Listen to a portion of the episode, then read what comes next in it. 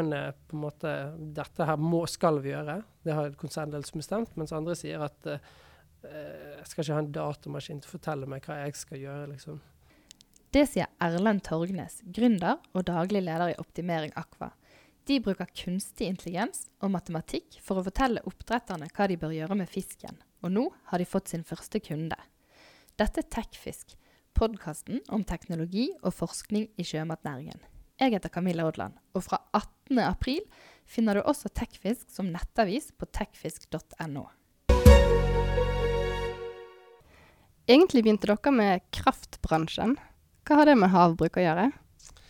Eh, I utgangspunktet har det jo veldig lite med havbruk å gjøre. Eh, det som er likt for vår del, er jo metodene vi bruker. Så vi kommer fra fra um, å ha bakgrunn innenfor matematisk modellering, optimering, kunstig intelligens, så det er de metodene som vi har tatt fra kraft inn i havbruk. Så det er det som er felles på en måte multiplum mellom det vi gjør i morselskapet til optimering Aqua gjør i kraft, og det vi gjør i optimering Aqua i oppdrett. Kraftbransjen har jobbet med veldig veldig lenge med de metodene vi har eh, bakgrunn fra, og i, i, oppdrettsbransjen så var de ikke i bruk i det hele tatt. Og det var veldig, veldig, veldig lite som var gjort.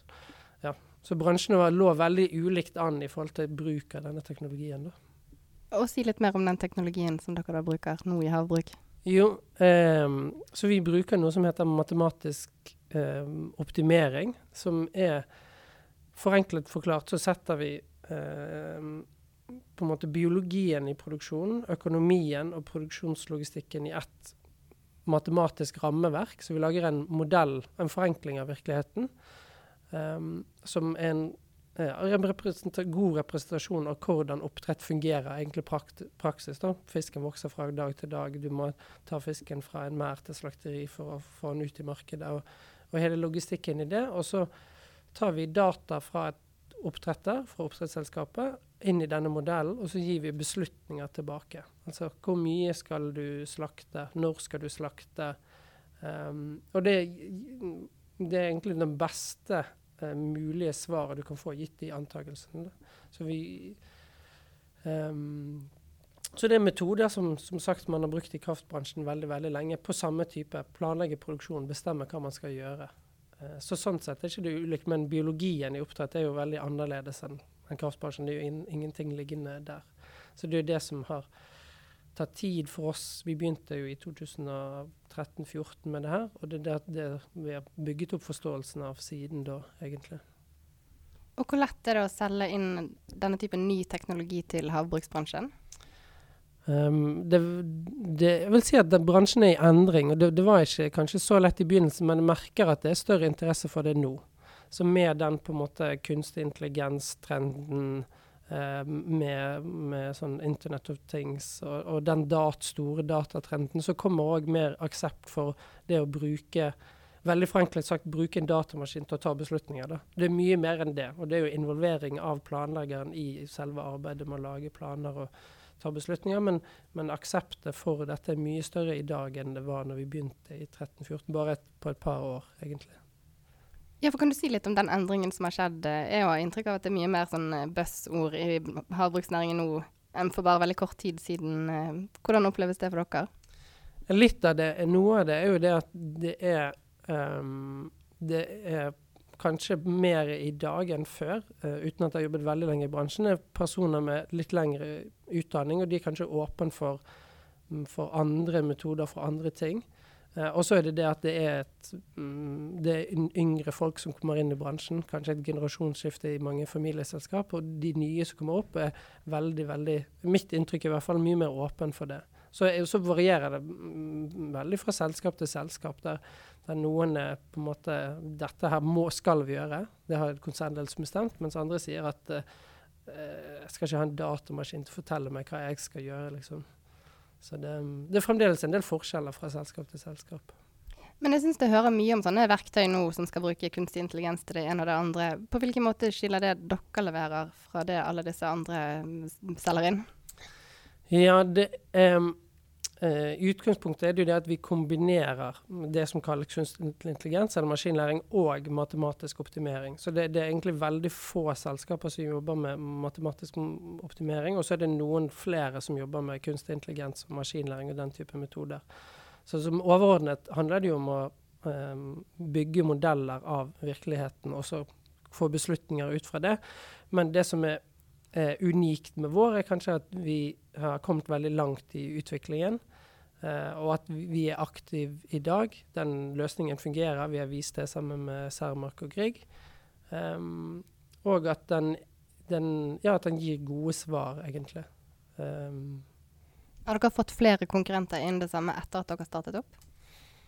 Ingen, nei, ikke direkte, men vi ser vel nå at det er noen som kan bli det fremover. Ja. Um, men, men, den Spesielt den matematiske modelleringsbiten, den krever veldig Du må ha en veldig god forståelse av produksjonen og biologien. Og den tar tid å bygge opp. Så de andre på en måte Det er veldig få aktører som holder på med akkurat det vi gjør, og de få som har holdt på i 10-15 år, er de andre. Så, sånn sett er vi på en måte den nyeste, og vi har holdt på siden 13-14. For egentlig har dere utspring fra NTNU. Eh, hva har dere med dere derfra? Um, det var sånn at vi startet selskapet, og, og vi tre uh, eller fire gründerne vi så på oppdrett som et spennende område. Og så samtidig med det så hadde NTNU, uh, en professor på NTNU og noen studenter begynt å se på samme område og bruke matematisk modellering for produksjonsplanlegging i oppdrett. Så så vi det, kom over det. Vi hadde jo tre av oss hadde bakgrunn fra NTNU. Og så fant vi sammen, egentlig. Uh, og var, så, så da tok vi um, på en måte det initiativet som vi hadde begynt med allerede, og så tok vi inn litt forskning som var gjort ved NTNU tidligere, fra 2011-2012, eh, og startet oss sammen, selskapet i slutten av 2014, var det vel. Og Hvor langt er dere kommet nå? Er dere i gang med å selge verktøyet deres, eller hva er status? Ja, nå er vi live med den første versjonen. Så vi eh, har eh, solgt inn til Grieg Seafood og jobber med flere andre selskaper nå. Så vi har kollegaen min som sitter her i naborommet, hun holder på med en demo for et annet selskap nå. Så vi viser egentlig hvordan det fungerer på dataene til eh, selskapene sjøl. Ehm, og de testene vi har hatt, har vært veldig gode, så vi er veldig komfortable på en måte med å gå mot selskapet og si Gi oss, dere, gi oss dataene, så kan vi vise hvordan resultatene blir. Og Hvordan har responsen vært så langt? Eh, han har vært, vel, vært eh, veldig god. Og så er det jo sånn eh, at man vil gjerne på en måte se Det er sånn at man vil se det på egne data før man, man De tar det ikke det vi sier for god fisk, på en måte.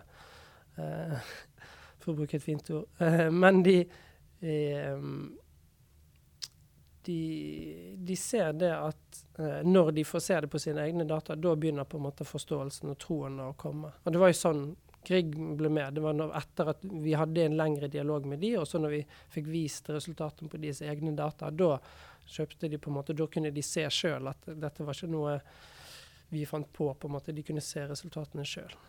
Og da blir det enklere for de å planlegge produksjonen? Ja, det er jo to hovedting. Det ene er at det kan gi de en, eh, eller vil gi de en bedre produksjon. Eh, bedre utnyttelse av konsesjonene de har. Eh, redusere biologisk risiko med å planlegge ha biomasse i perioder hvor det er mindre risiko. Planlegge bedre mot markedet. Det er det ene delen. Bedre planer. Det andre er at det er veldig mye raskere å lage en produksjonsplan. Så, så, de planleggerne vi snakker med, de sier at på en måte ved større endringer så kan det ta tre-fire dager å lage en ny plan. Her får du en helt ny plan på, for et middels stort oppdrettsselskap på et halvt minutt. Så det er en sinnssyk på en måte speed up i hvor tid, lang tid det tar å lage en plan. Så det, det, på en måte, det ser jo de med en gang. Så er det jo på en måte hvilke resultater man får ut, det er jo noe man får erfaring med over tid. Men, men at det er veldig mye raskere enn det som er konvensjonell, vanlig planlegging som man gjør i oppdrett i dag, det er veldig tydelig. Krever det en høy investering for de å gå inn på dette? Eh, nei, ikke i utgangspunktet. Så vi har en vanlig på en måte, prismodell som andre programmer, at de betaler løpende for det. Eh, så, så, så, kostnadene er kanskje mer i, i, i Mange oppdrettsselskap har en tynn administrasjon, så det er det å på en måte bruke tid med oss på å OK, dette er noe som jeg tror på. Eh, jeg vil investere tid i å få vist resultatene på dataene osv. Så, videre. så det er mer der på en måte det ligger. Og dere har hatt på siden 2013. Når regner dere med å tjene penger, og at dette her er en business eh, som går rundt? Ja, Vi har så vidt begynt å tjene penger i fjor. Eh, og så eh, jobber vi egentlig med å satse ganske Vi kunne nok vært cashflow-positiv uh, relativt raskt, men vi satser ganske hardt på å vokse. Så da tror vi at vi vil være cashflow-positive i slutten av 19, begynnelsen av 2020. Eh, men, men, det er basert på at vi vil da ansette mange og utvide eh, dette fra bare på en måte handle om produksjonsplanlegging til å jobbe med dataen som går inn, eh, antakelsen om biologi, dødelighet, sykdom, og ta dette inn. Um, det var noe vi så i kraftbransjen. at vi på en måte, Når vi leverte verktøy, så begynte vi òg å jobbe med å levere data og hjelpe oppdretterne å ja, forbedre på datagrunnlaget som gikk inn i disse modellene. Når er dere der at dere kan eh, ansette og skalere opp? Eh, det håper vi. Nå jobber vi med Vi har egentlig fått veldig god eh, traction blant flere investorer, både finansielle og industrielle. Så nå er vi i prosess med å hente inn kapital til selskapet for å ansette. det. Sånn at forhåpentligvis så skjer det rundt sommeren nå. Så vi har jo ansatt noen allerede, men på en måte der vi virkelig begynner å ansette mange, fossile sånn, da, i forhold til størrelsen som vi er i dag. Så da er dere i ferd med å få inn én eller flere nye eiere nå, da? Ja, i utgangspunktet jobber vi med én. En, en, den, på en måte, den som har kapital og kunnskap som kan komplementere den kapitalen. Eh, smarte penger, for å si det sånn. Og hvor langt unna er dere få det til? Eh, vi regner med at det vil eh, Vi er jo i prosess med flere nå.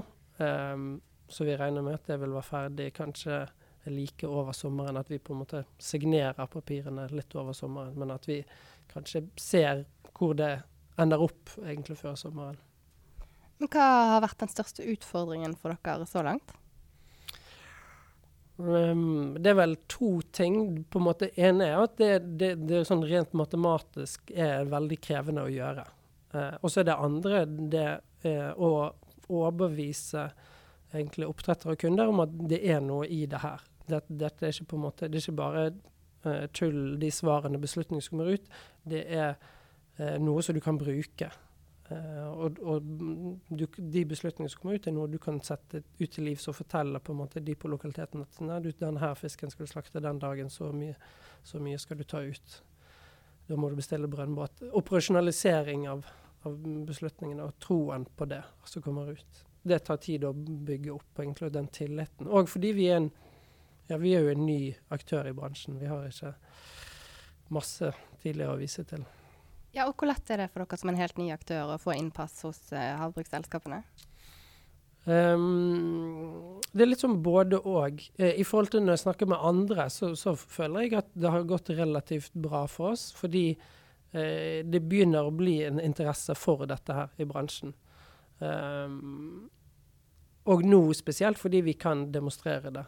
Uh, men, men som jeg sa, på en måte administrasjonen i oppdrettsselskap, det, det, er veldig mange som skal banke på de samme dørene. Så det tror jeg nok Og det er nok sikkert en utfordring for de som jobber i oppdrettsselskap, at det er mange som tar kontakt. Og, og de vet jo ikke, vidt at de ikke kjenner personer fra før, så vanskelig for de å på en måte Jeg vet ikke om jeg skal si skille Clinton fra hveten, men, men å liksom finne ut ja, hva er det vi skal bruke tid på.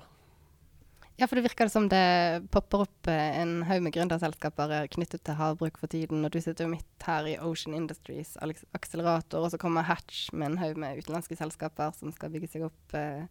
Hva betyr det noe for dere? Um, jeg tror egentlig det mest positivt. Uh, fordi sånn, det, er jo den utfordringen. Det er mange som skal banke på de samme dørene. Men samtidig, veldig mange av selskapene her jobber for, med ulike deler akkurat her, jobber med ulike deler av organisasjonen. Sånn at de snakker med ulike folk. Og, og en, f.eks. en del av selskapene i Hatch satser jo òg i helt andre deler av verden. Uh, så da er det mer positivt i erfaringsutveksling og tankeutveksling uh, og oppmerksomhet mot bransjen. Så det syns jeg er kjempepositivt. Og nå når du har holdt på å være gründer i snart eh, fem år, eh, er det noe du ville gjort annerledes når du tenker tilbake? Det er vanskelig å si, fordi du, du lærer jo vil, Uten på en måte å gjøre de Du lærer jo av feil. Uten å gjøre de feilene, så hadde det ikke vært dit vi er i dag, i form av Nå vet vi hva vi skal gjøre videre. Men eh, jeg vet ikke om det er noe spesifikt som Um, vi, har blitt veldig mye flinkere til å forstå. For hvordan man Nå har ikke vi så mye offentlige midler som vi søker på nå fremover, for vi er jo ferdig med den fasen. Men vi ble etter hvert veldig mye flinkere til å, forstå, til å snakke med Innovasjon Norge og spørre de hva er det dere er ute etter en søknad, på en måte, og ikke bare ta informasjon som er på nettsidene, uh, men, men, å snakke med f.eks. Innovasjon Norge eller Forskningsrådet, og, og på en måte involvere de litt mer i i søknadsprosessen, sånn at vi kunne forstå hva de var ute etter, og hvordan vi skal lage søknaden. egentlig. Det var en ting som, som vi ikke gjorde i begynnelsen, men som vi har gjort mer etter hvert. Hvor mye støtte har dere fått fra de underveis?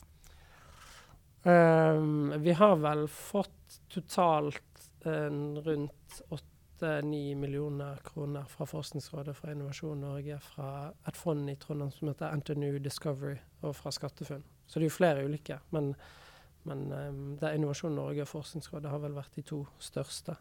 Og Hvor avgjørende har det vært for dere? Nei, uten den støtten så hadde, da hadde vi ikke vært der vi er i dag. Vi, eller vi hadde ikke eksistert som selskap, tror jeg. Eh, eller ganske sikkert. Eh, da hadde vi sikkert jobbet med, med, andre ting. Litt av historien her var at vi, vi gikk fra å være Når man starter et selskap, så um, og du ikke har mye kapital i bunnen, så betyr jo det at du enten så må du Ja, du må jo jobbe uh, gratis frem til du har inntekter. Uh, og, og, det å lage og drive med FoU og få inntekter, det er jo et veldig langt løp. Så det innebar jo at vi helt i starten jobbet som konsulenter. Uh, og så har vi, men nå har vi med hjelp fra de, og nå på slutten av fasen så har vi gått fra på en måte alle i selskapet konsulenter til kanskje en halv person jobber som konsulent for å finansiere resten. Så det har gått um, Og det har hjulpet oss på veien, disse uh, støtteordningene. Du har nå hørt på Tekfisk, podkasten om teknologi og forskning i sjømatnæringen. Fra 18. april finner du også Tekfisk som nettavis på tekfisk.no. Følg med, besøk oss gjerne.